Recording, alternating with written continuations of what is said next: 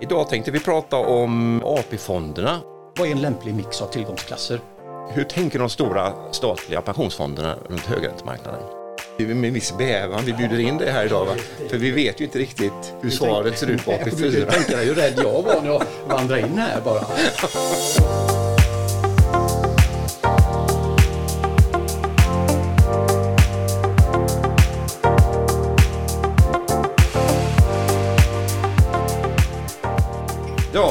välkomna till ett nytt avsnitt av eh, Högräntepodden. Det är jag som är Stefan Westfeldt. Och jag är Gustav Andåker.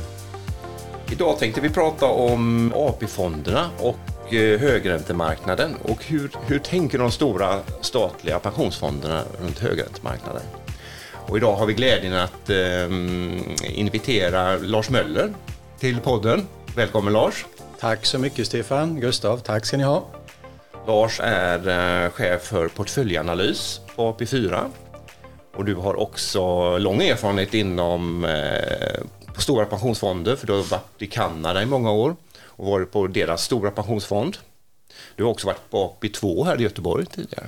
Stämmer korrekt så. Många skulle säga att det är lite för lång erfarenhet men, men så ser det ut.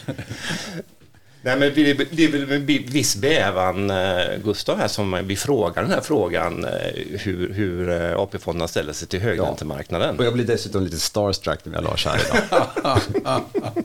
Det var länge sedan mina barn ens blev va?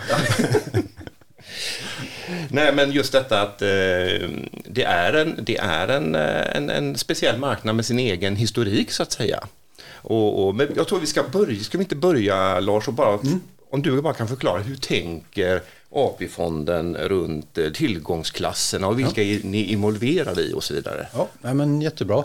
Återigen tack för att jag fick eh, komma idag. Jätteroligt. Eh, Och, på så många sätt roligt.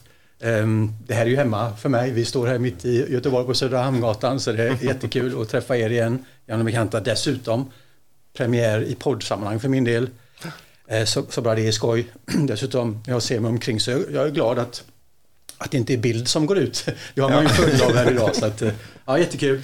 Eh, Ja, men AP, jag tänkte om det är okej, jag säger någonting först och bara kort kring eh, AP-fonderna. Gör jättegärna det. AP-fondernas mandat och om det skiljer någonting mellan de olika. Ja, men det är en jättebra fråga. AP-fonden är ju liksom i den publika domänen. Vi har ett publikt uppdrag i grunden och eh, vi är, vi är, vi är ett antal AP-fonder men vi, vi heter då AP4 och AP-fonderna 1 till 4 eh, har eh, samma uppdrag eh, i grunden och det är ett uppdrag som går ut på att förvalta medel, förvalta stora portföljer i, inom ramen för pension, det statliga allmänna pensionssystemet.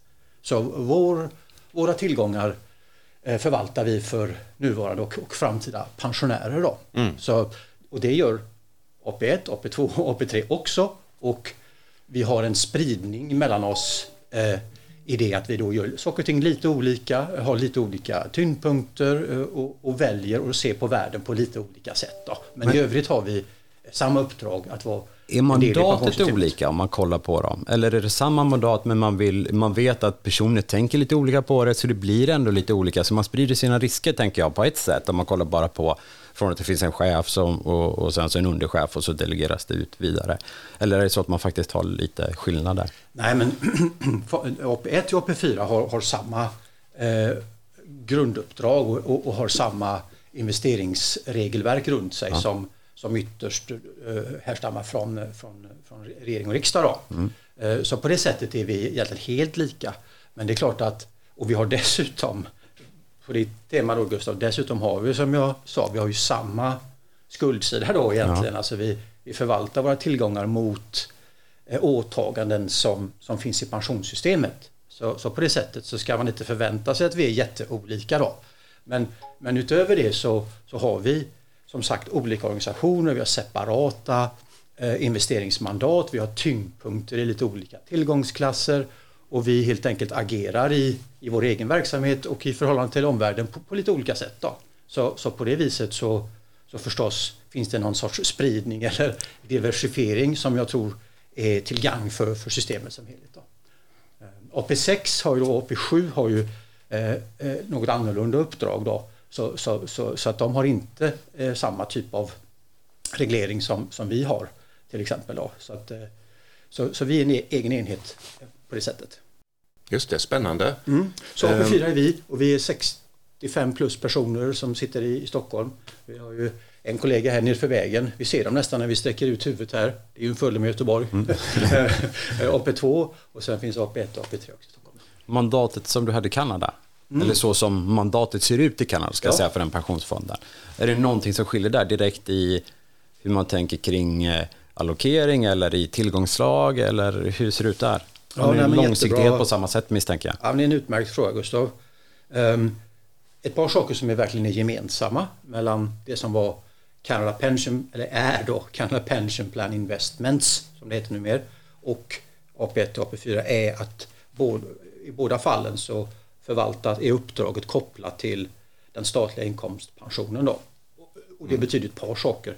Att vi är stora, att vi har väldigt lång horisont för våra investeringar och att vi fyller en sorts grundläggande samhällelig funktion i den meningen då så att, så att det finns ett genomslag av liksom, ett uppdrag som är lite speciellt om man jämför med en kommersiell förvaltare till exempel. Då.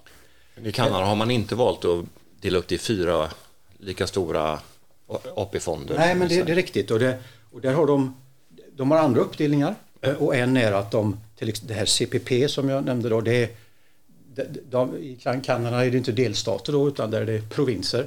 Ehm, så CPP för, eh, förvaltar nuvarande och framtida pensionärers pengar för alla provinser utom Quebec.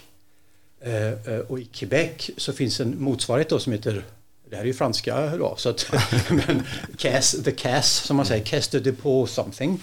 Eh, och de har en likartad struktur som CPP har för övriga landet då, men, men, men skiljer sig åt på ett, på ett par sätt. Och bland annat, och det är någonting som är väldigt skilt från från oss också då här i Sverige för AP1 till AP4. Nämligen att eh, The CAS har också ett väldigt uttalat uppdrag att investera till stöd för provinsen Quebecs framtida ekonomiska utveckling. Okay. Så de har verkligen en riktad uppdrag att till exempel i Ja, jag tror att det i och för sig spänner över både noterade och onoterade tillgångar men de är mest kända för sitt engagemang tror jag i det onoterade spacet såsom Eh, infrastruktur och liknande. Mm. Så, så, på ett sätt så, så, investerar man alltså i lokala privata bolag, fast ja, då givetvis mot en ersättning, men det är så det eh, fungerar? Ja, men precis. Jag tror att det är väl naturligtvis höga krav ställda på avkastning och, och, och riskhänsyn och så, även, även på, förstås även på de investeringarna. Men, men de har en, ett uppdrag som på det viset är väldigt skilt från eh, AP1 och AP4 som riktar sig mot, i det här fallet, Quebecs egen ja eh, ekonomisk utveckling. Och det finns ju, det kan ju finnas fördelar med det förstås. Det har ju uppenbarligen Quebec bedömt. Men, men det är också förknippat med ganska lätt insedda risker att ha den hållningen också. Då. Men, men så, så. Samtidigt så det blir ju en långsiktig investering, det blir det ju. För man får ju tillbaka skatt från de investeringarna också i framtiden. Så du får det på två sätt. Du får det direkt och indirekt. Ja, nej men återigen, eh, Uh, Gustav, jag, jag, jag skulle kunna hålla på här lite, men, men det är helt rätt. De, de, ja, jag tycker det är spännande de, de, de har det uppdraget och det är inte, mm. alltså det är inte något ovanlig, skulle jag bedöma, ovanlig inriktning på alltså sovereign funds eller pension funds i allmänhet. Nej. Däremot är det nog gradvis allt mer ovanligt då att man har en sån uttalad inriktning. CPP igen och, och, och definitivt oss själva då att vi, vi har också en, en tyngdpunkt på svenska tillgångar relativt så att säga svenska storleken på den svenska marknaden. Eh, både på aktiesidan och på obligationssidan och det har vi av, av väldigt goda skäl. Mm. Det är ju vår hemmaplan, vi, vi, vi har insyn och närhet och, och, och, förståelse för våra marknader på ett sätt som vi inte rimligen kan förväntas ha på, på andra marknader all, alltid. Och I varje fall inte av samma skäl. Då. Så, så på det viset har ju alla skulle jag säga, även så här stora organisationer någon sorts uttalad, medveten, kanske omedveten ibland, men vi har en väldigt medveten övervikt om du vill. En sorts home bias som man säger i sammanhanget eh, i, i Sverige. Mm. Och det vill vi ha. Liksom. Det är bra mm. för oss. Det är bra ja. för pensionärerna i slutändan. Just det. Men då, om vi återgår till den här frågan om tillgångsklasser nu då som vi började med och AP4 och, och hur, hur tänker ni Finns det någon sorts modellportfölj då som ni jobbar efter över tid? Ja, men, eh, Eh, även en just modellportfölj kanske inte riktigt så vi närmar oss det, men jag hör vad du, jag hör vad du är på väg Stefan här och det är riktigt. Så med det jag beskrev som vårt uppdrag då så kommer ju förstås ett par olika saker. Då. Dels har vi en väldigt lång horisont så i grunden lägger vi samman ehm, förväntningar så vi ser att pensionssystemet utvecklas i framtiden och då pratar jag liksom om 40-50 år och ut. Riktigt lång horisont och då, då tar vi ställning till, gör en bedömning av um, vilken typ av portfölj, vilken typ av risktagande i finansiella marknader kräver det här systemet att vi ska ta för att vi ska vara, göra största möjliga nytta helt enkelt. Så det är vår riktigt långa liksom, mm det vi kallar för ALM, alltså Assets and Liabilities, alltså tillgångar och skuldmodellering och analys. Då. Så det är någonting som vi gör relativt sällan, för det ändras ju inte så ofta, va? det ändras inte så fort. Men, men det är någonting som vi tar ställning på riktigt lång sikt. Mm. och där, där är det så att systemet mår bra av en relativt hög risktagande eh, allmänt sett. Eh, det är en bra sak på lång sikt för, för pensionssystemet tenderar att stärka sin sån miljö med sammanhängande risker förstås då på lite kortare sikt. Då. Men, men där börjar vi. Mm. Sen går vi liksom vidare och blir väsentligt mer operationella och, och ställer oss frågan, okej okay, men om det är den jättelånga horisonten, hur gör vi då på lite mer korta, lite mer horisonten närmare verkligheten då? Och då har vi, en, då har vi liksom en, en horisont där vi allokerar eh, tillgångar, tillgångsklasser som är upp till säg 10 år, give or take. Är det kort sikt? Tio år? Nej, det är inte kort sikt, men den är väsentligt kortare än 50. Ja, ja, ja nej, men det, för det är ändå relativt. Är det, en, det är en lång sikt, definitivt, ja. speciellt i dag till dag sammanhang förstås. Ja. Men den är inte längre än att den betyder någonting för beslut vi tar idag. Precis. Uh, och, då, och då tar vi beslutar oss mot basis av den här riktigt långsiktiga horisonten. Vad är en lämplig mix av tillgångsklasser för att vi ska få bra avkastning, Eh, vi får en riskprofil som är, som är god, som är lite som vi brukar säga robust. Och då bör den vara robust på ett, par olika sätt. Ju. Över tio år kan rätt mycket hända. Så vi jobbar aktivt och intensivt med det vi kallar för scenarier över ekonomin, makroscenarier. Vad tror vi är en rimlig förväntan i typfallet? I, i, i så. Men typfallet kanske inte alls infaller utan det kan vara mycket andra typer av eh, utvecklingstendenser som, som kommer in och som är aktuella alltifrån, ja men vi vet ju bara hur, hur, hur i marknaden från dag till dag det går in och ut föreställningar om huruvida inflationen ska sticka eller om tillväxten packar och, och så. Så vi, vi har ett antal scenarier för vad, vad, vi tror skulle kunna hända på lite längre sikt. Då. Så när vi sätter ihop till, våra tillgångsklasser så gör vi det väldigt, väldigt liksom medvetet, att vi får en bra avkastning som servar systemet men vi, vi, vi gör det på ett sådant sätt att det är robust i förhållande till de utmaningar som, som finns då. Som vi kan bedöma. Och avslutningsvis här i denna hardang, det här är ju roliga saker va? och viktiga. Eh, så de tillgångsklasser vi väljer gör vi på ganska naturligt. Det var börjar man? Ja, jo, man börjar med aktier och, och, ränt, och obligationer liksom. Man börjar inte i high yield man kan säga. Vi kommer till det. Men, men aktieobligationer, utländsk, globala och svenska, eh, både på aktier och, och räntor. Du pratar ingenting om fastigheter, direktägda fastigheter. Eh, nu avbröt du mig igen Gustav. Ja, ja, fick det jag, jag. jag hann inte ens komma till fastigheter va? Och jag vet ju att du gillar fastigheter Gustav. Ja. Så, så vi har de här likvida normaltillgångsklasserna. Mm. Eh, och en stor och växande andel som vi kallar för reala tillgångar. Mm. Eh, som typiskt sett är onoterade och som spänner över lite olika aktiviteter vi har. Och vi har, vi har hög aktivitet och höga ambitioner på det området. Och i där, eh, än så länge, den proportionerna håller på att ändras, men, men historiskt och än så länge så är vår största exponering i det vi kallar reala tillgångar mot eh, fastighetsmarknaden, både bostadssidan och den kommersiella sidan. Så in all. Ganska lång horisont, tio år. En robust portfölj som, som är transparent och tydlig, som vår styrelse tar beslut kring. Som vi sätter ihop med god diversifiering och goda avkastningsförutsättningar. Då. Den portföljen, det är vår allokering om du så vill. Och, eh, och den, den uppdaterar vi. Vi gör det beslutsmässigt en gång om året där vi tar ställning till det här igen. men mer löpande följer vad som händer förstås. Och om vi, vi har ett, ett, säg ett modellramverk i botten här då som åtminstone ger oss lite guidning och lite, eh, lite, lite tankar kring vad vi tror om tillgångslagen. Det sätter vi på plats och detta, den här portföljen är eh, om man så vill vår benchmark eller vår normala exponering som vi tycker är god. Då. Och den, vi kallar den för eh, DNP. Eh, allt i finans har ju förkortningar, det vet vi. Ja. Tre bokstäver. Dynamisk normalportfölj. Och där är de här tillgångslagen representerade och det är sen vårt uppdrag då i förvaltningen sammantaget att göra bättre än vad vi tror DNP kan göra. Att förmera avkastningen. Vad är avkastningsmålet på lång sikt? På riktigt lång sikt så har vi, så har vi skruvat ner det målet lite, lite över tid faktiskt. Eh, nu gjorde vi en sån här långsiktig analys mm. som jag nämnde, den här ALM. Då, den gjorde vi, ska vi se, var det förra året vi satte den? Tiden går ju fort när man har så här skoj va? Eh, och då har vi för andra gången i rad, vi gör det här var tredje år, skruvat ner de förväntningarna lite. Eh, och det beror ju på en hel rad saker.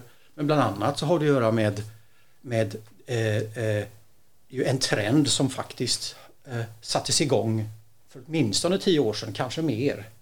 Där vi gradvis har sett en lägre, eh, vad vi brukar kalla potentiell tillväxt, alltså möjlig tillväxt i, inte bara i Sverige utan i, i globalt, som hänger ihop med något sämre demografiska förutsättningar, något eventuellt sämre produktivitetsförutsättningar.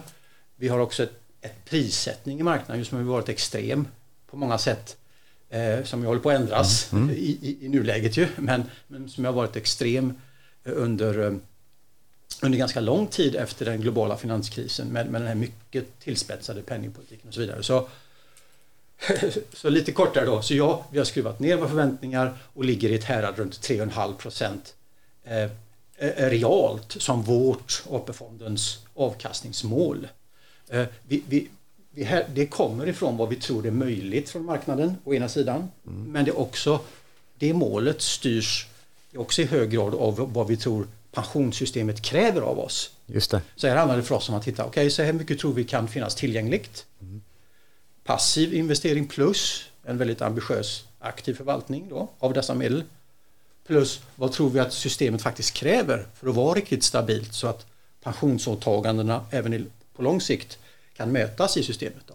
Så när vi väger ihop de här sakerna så har vi skruvat ner det lite och vi landar om i häradet 3,5 procent realt. Då. Och de här eh, superlåga räntorna som vi har haft mm. nu de senaste åren, har det fått er att ändra den taktiska allokeringen ut ur de här eh, statsobligationssidan och så in i annat, eller hur, hur tänker ni där? Ja, nej, men det, det, och där är ju någonting som eh, räntorna har varit riktigt, riktigt låga det finns utrymme för diskussion förstås kring värderingen av aktiemarknaden. Ja. Men, men, även värderingen på aktiemarknaden har varit väldigt, väldigt hög. Så, så det faktum att vi har både ja, väldigt ja. högt värderade mm. fixed income-instrument och högt värderade aktieinstrument gör ju att det här är en utmaning. Vi pratar precis om, om, om målsättningen, för, aktiv, äh, målsättningen för avkastning. Va? Mm. Men okej, okay, så vad gör vi då? Jo, vi, vi noterar att vi kommer inte få vi, vi kommer inte kunna i vår grundportfölj, den här normalportfölj, dynamiska normalportföljen, så kommer vi inte kunna få avkastning från vår obligationsexponering på en sådan nivå som, som man har vant sig vid under långa tider. Den finns där inte på plats nu. Nej. Eh, vi kommer heller troligtvis inte få samma typ av goda portföljegenskaper från vår obligationsexponering som vi har haft, vant oss vid tidigare. Vissa av dessa egenskaper finns förvisso kvar. Mm. De vill vi ha. Eh, det är en likvid och, och trygg placering så, så, vi vill ha det och vi är dessutom målagda i vårt eh, investeringsreglemente att ha en miniminivå av lågrisk eh, exponering, eller obligationsexponering. Då. Mm. Så, så det är realiteterna. Mm. Och sen gör vi ett par olika saker. Vi har dels en allokeringsaktivitet som är mer taktisk då. Där vi försöker utnyttja eh, möjligheter i marknaden. Eh, och de dyker upp med lite olika frekvens och lite olika förutsättningar förstås. Men vi är väldigt aktiva på det området. Vi har eh, aktiva förvaltningsmandat, kollegor på fonden som, som jobbar aktivt då i, mm. i obligationsmarknaden både på, på stat, eh, eh, bostad och, och som då är med poddens ja. fokus då i, i, i, i kreditmarknaden. Då, då. Så att Så det är en utmaning som vi jobbar med på lite olika sätt. Eh, aktivt i förvaltningen och även i den här, det jag kallar för DNP, då, där, där, vi, där vi har skiftat om och vi lägger större tyngd än tidigare vid, vi pratade om reala tillgångar tidigare och att den är sammansatt av lite olika saker. Vi ser då att det finns obligationsliknande egenskaper i en bra portfölj av reala tillgångar. Både avkastningsmässigt ja. men möjligtvis också ett inslag av inflationsskydd som vi tycker är ett alldeles utmärkt komplement i en miljö som då präglas av riktigt, riktigt låga räntor. Va? Ja. Så där är någonting vi gör. Vi har också skiftat om vår aktieexponering lite grann, alltså alldeles nyligen, mm. i en riktning som vi tror är lite mer defensiv. Ja. Um, igen, i, i, ljuset av de utmaningar som kommer om räntorna är på väg upp och, och, och, och aktier går lite sämre. Value stocks. Det har vi också. Mm. Vi, vi, har haft ganska aktiva positioner i value som, som vi har varit väldigt nöjda med. Eh, så det gör vi aktivt, Stefan. Mm. Eh, däremot i den här, jag återkommer till den ständigt då, men det är mycket av min vardag. Mina kollegor gäspar nu va, detta. Men, men eh, normalportföljen, den dynamiska normalportföljen, benchmarket, den har, den har inte explicit en value tilt i sig. Mm. Utan det vi kallar för defensiva aktier går mer i riktning mot högkvalitetsaktier. Mm. aktier med hög utdelning Aktier som har speciellt låg volatilitet. Ja. Till exempel. Ja. Så att ett antal saker vi gör för att lite halvpassivt grundexponering men också aktivt då ehm, där vi har höga ambitioner helt enkelt. Eh, eh, möta det som är en utmaning med dagens marknadsmiljö. Mm. Du Lars, jag och Gustav höll ju på att sätta kaffet i vrångstrupen ja. här när vi var uppe i Oslo på en DNB-konferens där en av talarna var oljefondens investeringsdirektör. Och när jag ställde frågan hur, hur ser en high yield-exponering ut så blev svaret vi gör inte high yield. Um, du vet, du, du, du, du, du, du, du, tuff fråga att höra. Jag hör ju. Du hör ju liksom. Och det, var, det, det var det jag menade med, med viss bävan vi bjuder in det här idag. För vi vet ju inte riktigt hur svaret ser ut bak Du kan ju tänka dig hur rädd jag var när jag vandrade in här bara.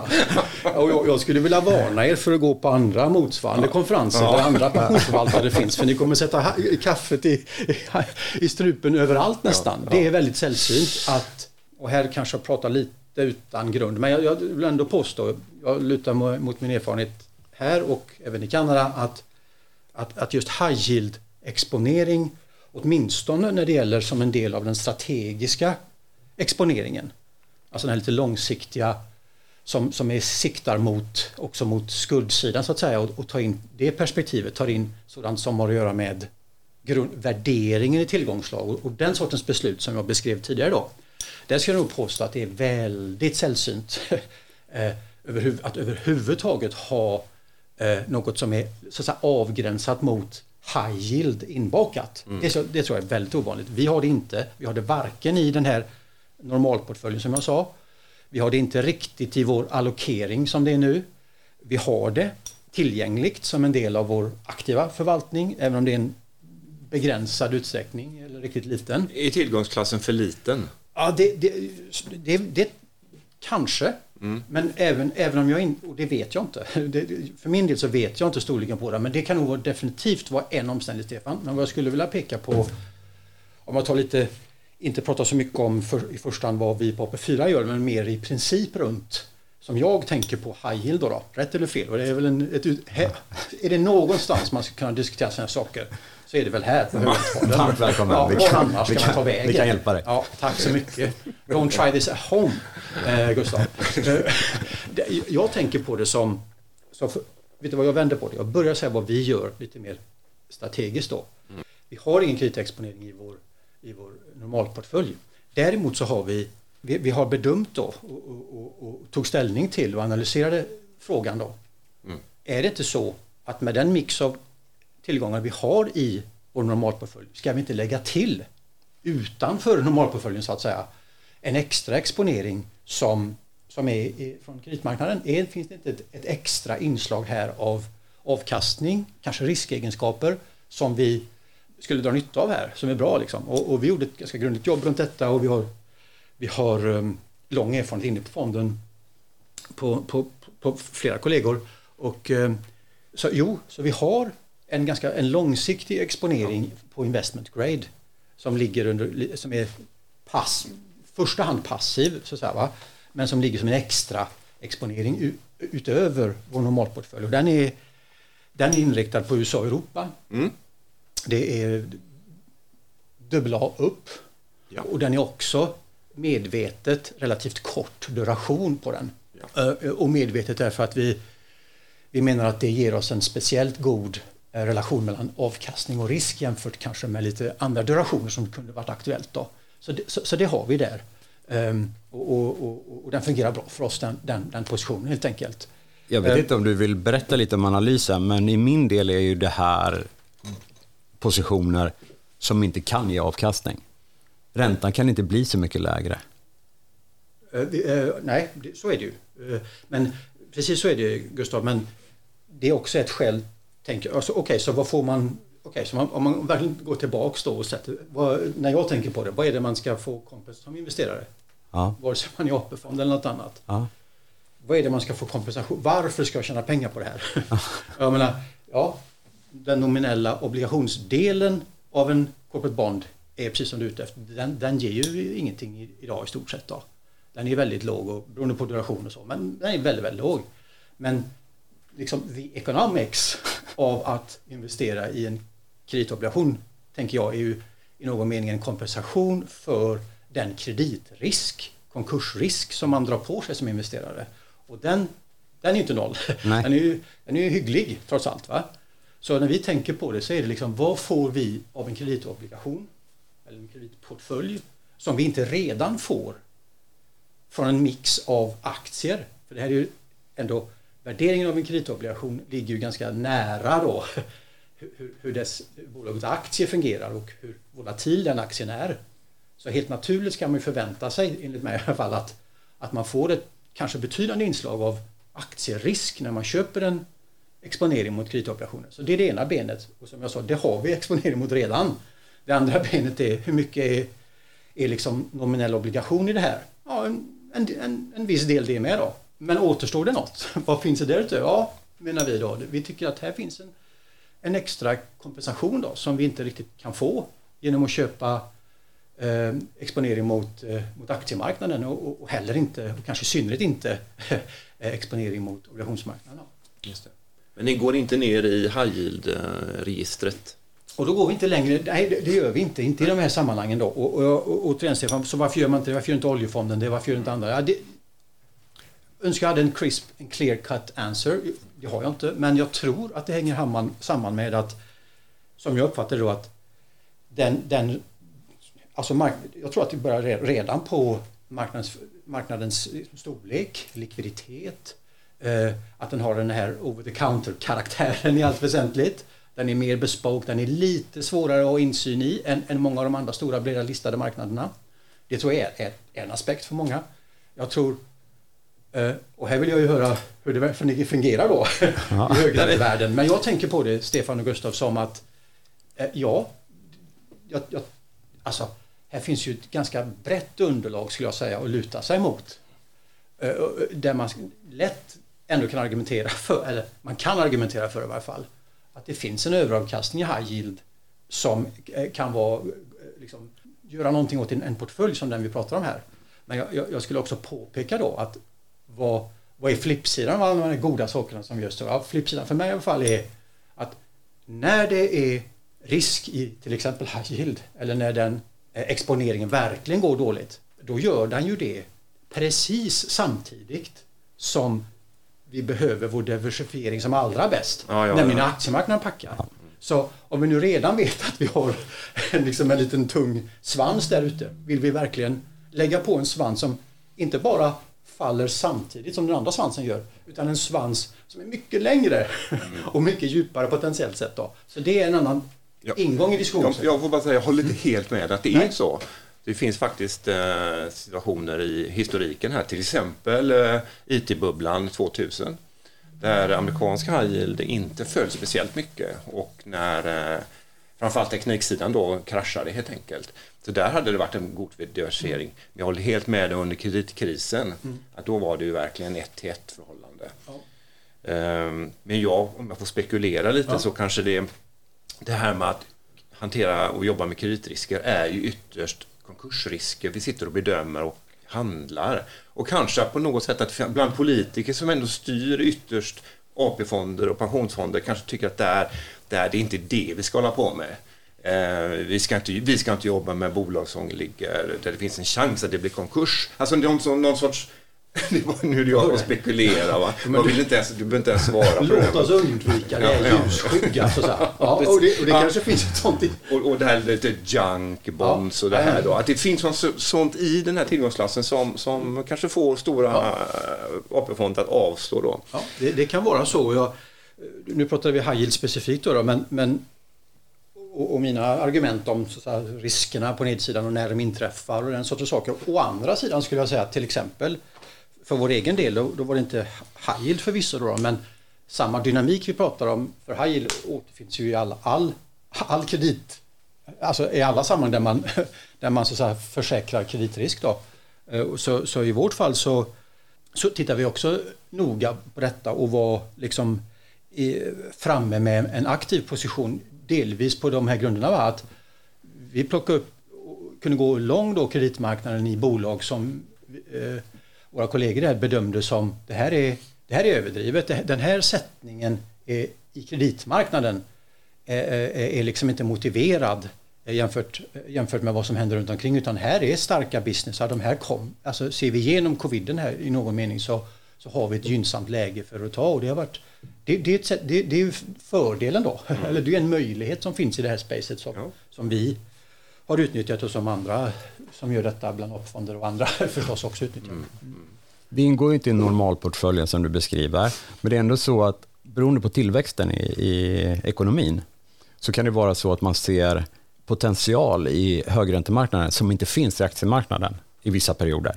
Hade Så ni då allokerat in åt det hållet, tror du? Ja, men det är det, är, det jag pratar om i alla fall. Ja. Det kanske inte framgick, men, men det jag försökt säga var, och det vi pratar om hittills då, jag tycker det är en bra fråga, är ju som tillgångsslag liksom på lång sikt, finns det något extra i krediter som inte finns någon annanstans? Det var det vi pratade om. Ja. Din fråga Gustav, som är högst motiverad är, okej, så hur ska man, om man då har en aktiv förvaltning uppsatt här då, eh, till exempel, eh, hur ser, mark hur ser marknadsprissättningen ut i krediter jämfört med aktier Ja. vid olika tillfällen? Exemplet med covid som Österot tror jag har inslag av det. Ja. Alltså marknaden reagerar lite olika och några gör det kanske eh, i, för, för samma typ av chocker mark- Mm. i, i, i, de breda marknaderna. Och, och där kan det förstås öppna upp sig stora möjligheter i relativ prissättning så att säga. Va? Definitivt. Ja, och, och, och vi det jag söker lite, det är nog egentligen så här. Jag håller med dig om att det finns ett ganska hög korrelation, eller då när aktier går ner så går, går krediter också ner, om vi ser en chock. Men jag tänker snarast då som frågan var egentligen, det är ju det här när man ser ett femårsperspektiv där man kan ha en förväntan på att företagsobligationer ger minst lika mycket i, i direkt avkastning. Det var så jag tänkte. Och, och, och, och då menar du, och din fråga är liksom hur ager, Ja. agerar man på det så att säga? Ja. Och och men det, det, det, det ligger definitivt inom, inom så att säga, våra möjligheter att göra en sån sak. Då. Det jag beskrev tidigare har ju med, med att vi lägger till krediter eh, från investment grade då, till Ja. vår normalportfölj till exempel. I det beslutet ligger också en bedömning om, ja, alltså, om jag förstår det rätt då, alltså någon sorts relativ värdering och hur den ser ut i, i någon sorts framtida förväntad avkastning och så. Alltså, Ja. så, så det är ju absolut så. Alla beslut som, som är av lite längre horisont kommer ju att innehålla, vare sig man vill eller ej, kommer ju att innehålla en komponent som handlar om hur är det här tillgångsslaget värderat. Värdering av en kreditportfölj är ju, har lite andra liksom förutsättningar än en värdering av en obligationsportfölj eller värdering av en aktieportfölj. Så man, så man får ju liksom vara, hålla tungan rätt i mun här va? ja, när man ja. uttrycker sig då. Men, men absolut. Ja, så är det. Men vi brinner ju så mycket för högräntor så vi hoppas ju att AP-fonderna snart kommer börja eh, addera Ja. högränteobligationer i sina portföljer. Ja, vi, vi, Det, det hade varit välkommet Ja, för vi absolut. behöver en, en eh, breddad investerarbas. Så är det. Så Mm. är det verkligen. Vi jag kan nämna också i sammanhanget att vi har börjat i, i och, och- aktiva inom, inom eh, det som kallas för direct lending. Då. Så, så vi, vi, vi skannar ju liksom möjligheter då, i det här fallet onoterat, eh, liksom löpande så. Eh, eh, men det är ju inte någon, jämfört med portföljen som helhet så kommer det naturligtvis inte bli en jättestor andel. Men det är återigen möjligheter som, som, som öppnar upp sig är, är någonting som vi är intresserade av och vi kan göra. Då. Bara för att avsluta då, vad bevakar vi just nu Gustav och, och, och, du från din horisont Lars? Är det börsfallet nu och, och, och Fed här imorgon eller vad? vad Såklart. Eh, det är som sagt ett år som öppnat upp med lite förnyad volatilitet i de flesta marknader. Och eh, de stora drivkrafterna i marknaden har ju varit och är för närvarande som vi också fokuserar på i hög grad mm. förstås med mm. vad händer med penningpolitiken i, liksom mot bakgrund av vad vi ser på inflationssidan och så och inte minst med Fed då i vanlig ordning. Mm. Men sen som vi vet Kina har varit i rampljuset av flera skäl och, och vi har ja. i tillägg då ju eh, ganska allvarliga geopolitiska spänningar här nere i Europa. Då. Dessutom ja. Mm. Men det är Kina är intressant för där är ju nu eh, centralbanken åt andra hållet. Där ja. sänker man räntan och ja, stimulerar medan motsatta i USA. Då. I, min, min analys är den att, att det sista börsfallet har inte så mycket med ränteuppgång och liknande att göra därför att det var vad marknaden hade förväntat sig och prisat in redan. Marknaden borde tvärtom ha känt att Fed har det här under kontroll. Så, så vi är bekväma med det. Det är precis så som jag själv såg framför mig. Det gör Fed också. Mm. Jag blir bekväm och vet att vi båda två har rätt och då kommer tillväxten vara på rätt nivå och inflationen har de kontroll på. Så de geopolitiska riskerna är vad jag funderar på. Mm. Det är intressant. Ja, men det är väl så. Nej, men, och det är inte alldeles ovanligt då, då, men en del av de här senaste rörelserna i flera tillgångslag och lite förhöjd volatilitet, de var ju till synes lite frikopplade från, från viktiga nyheter. Så då. Men, men sen har vi rapportsäsongen som ju är, ja. har, har stor vikt Tack så hemskt mycket Lars att du tog dig tid att komma med hit och vara med. Jättespännande, det har varit superspännande rakt igenom. Stort tack Stefan och Gustav, det var riktigt, riktigt roligt. Tack ska ni ha. Tack, tack. Tack, tack. Tack för att ni lyssnade. Hej, hej. Hej.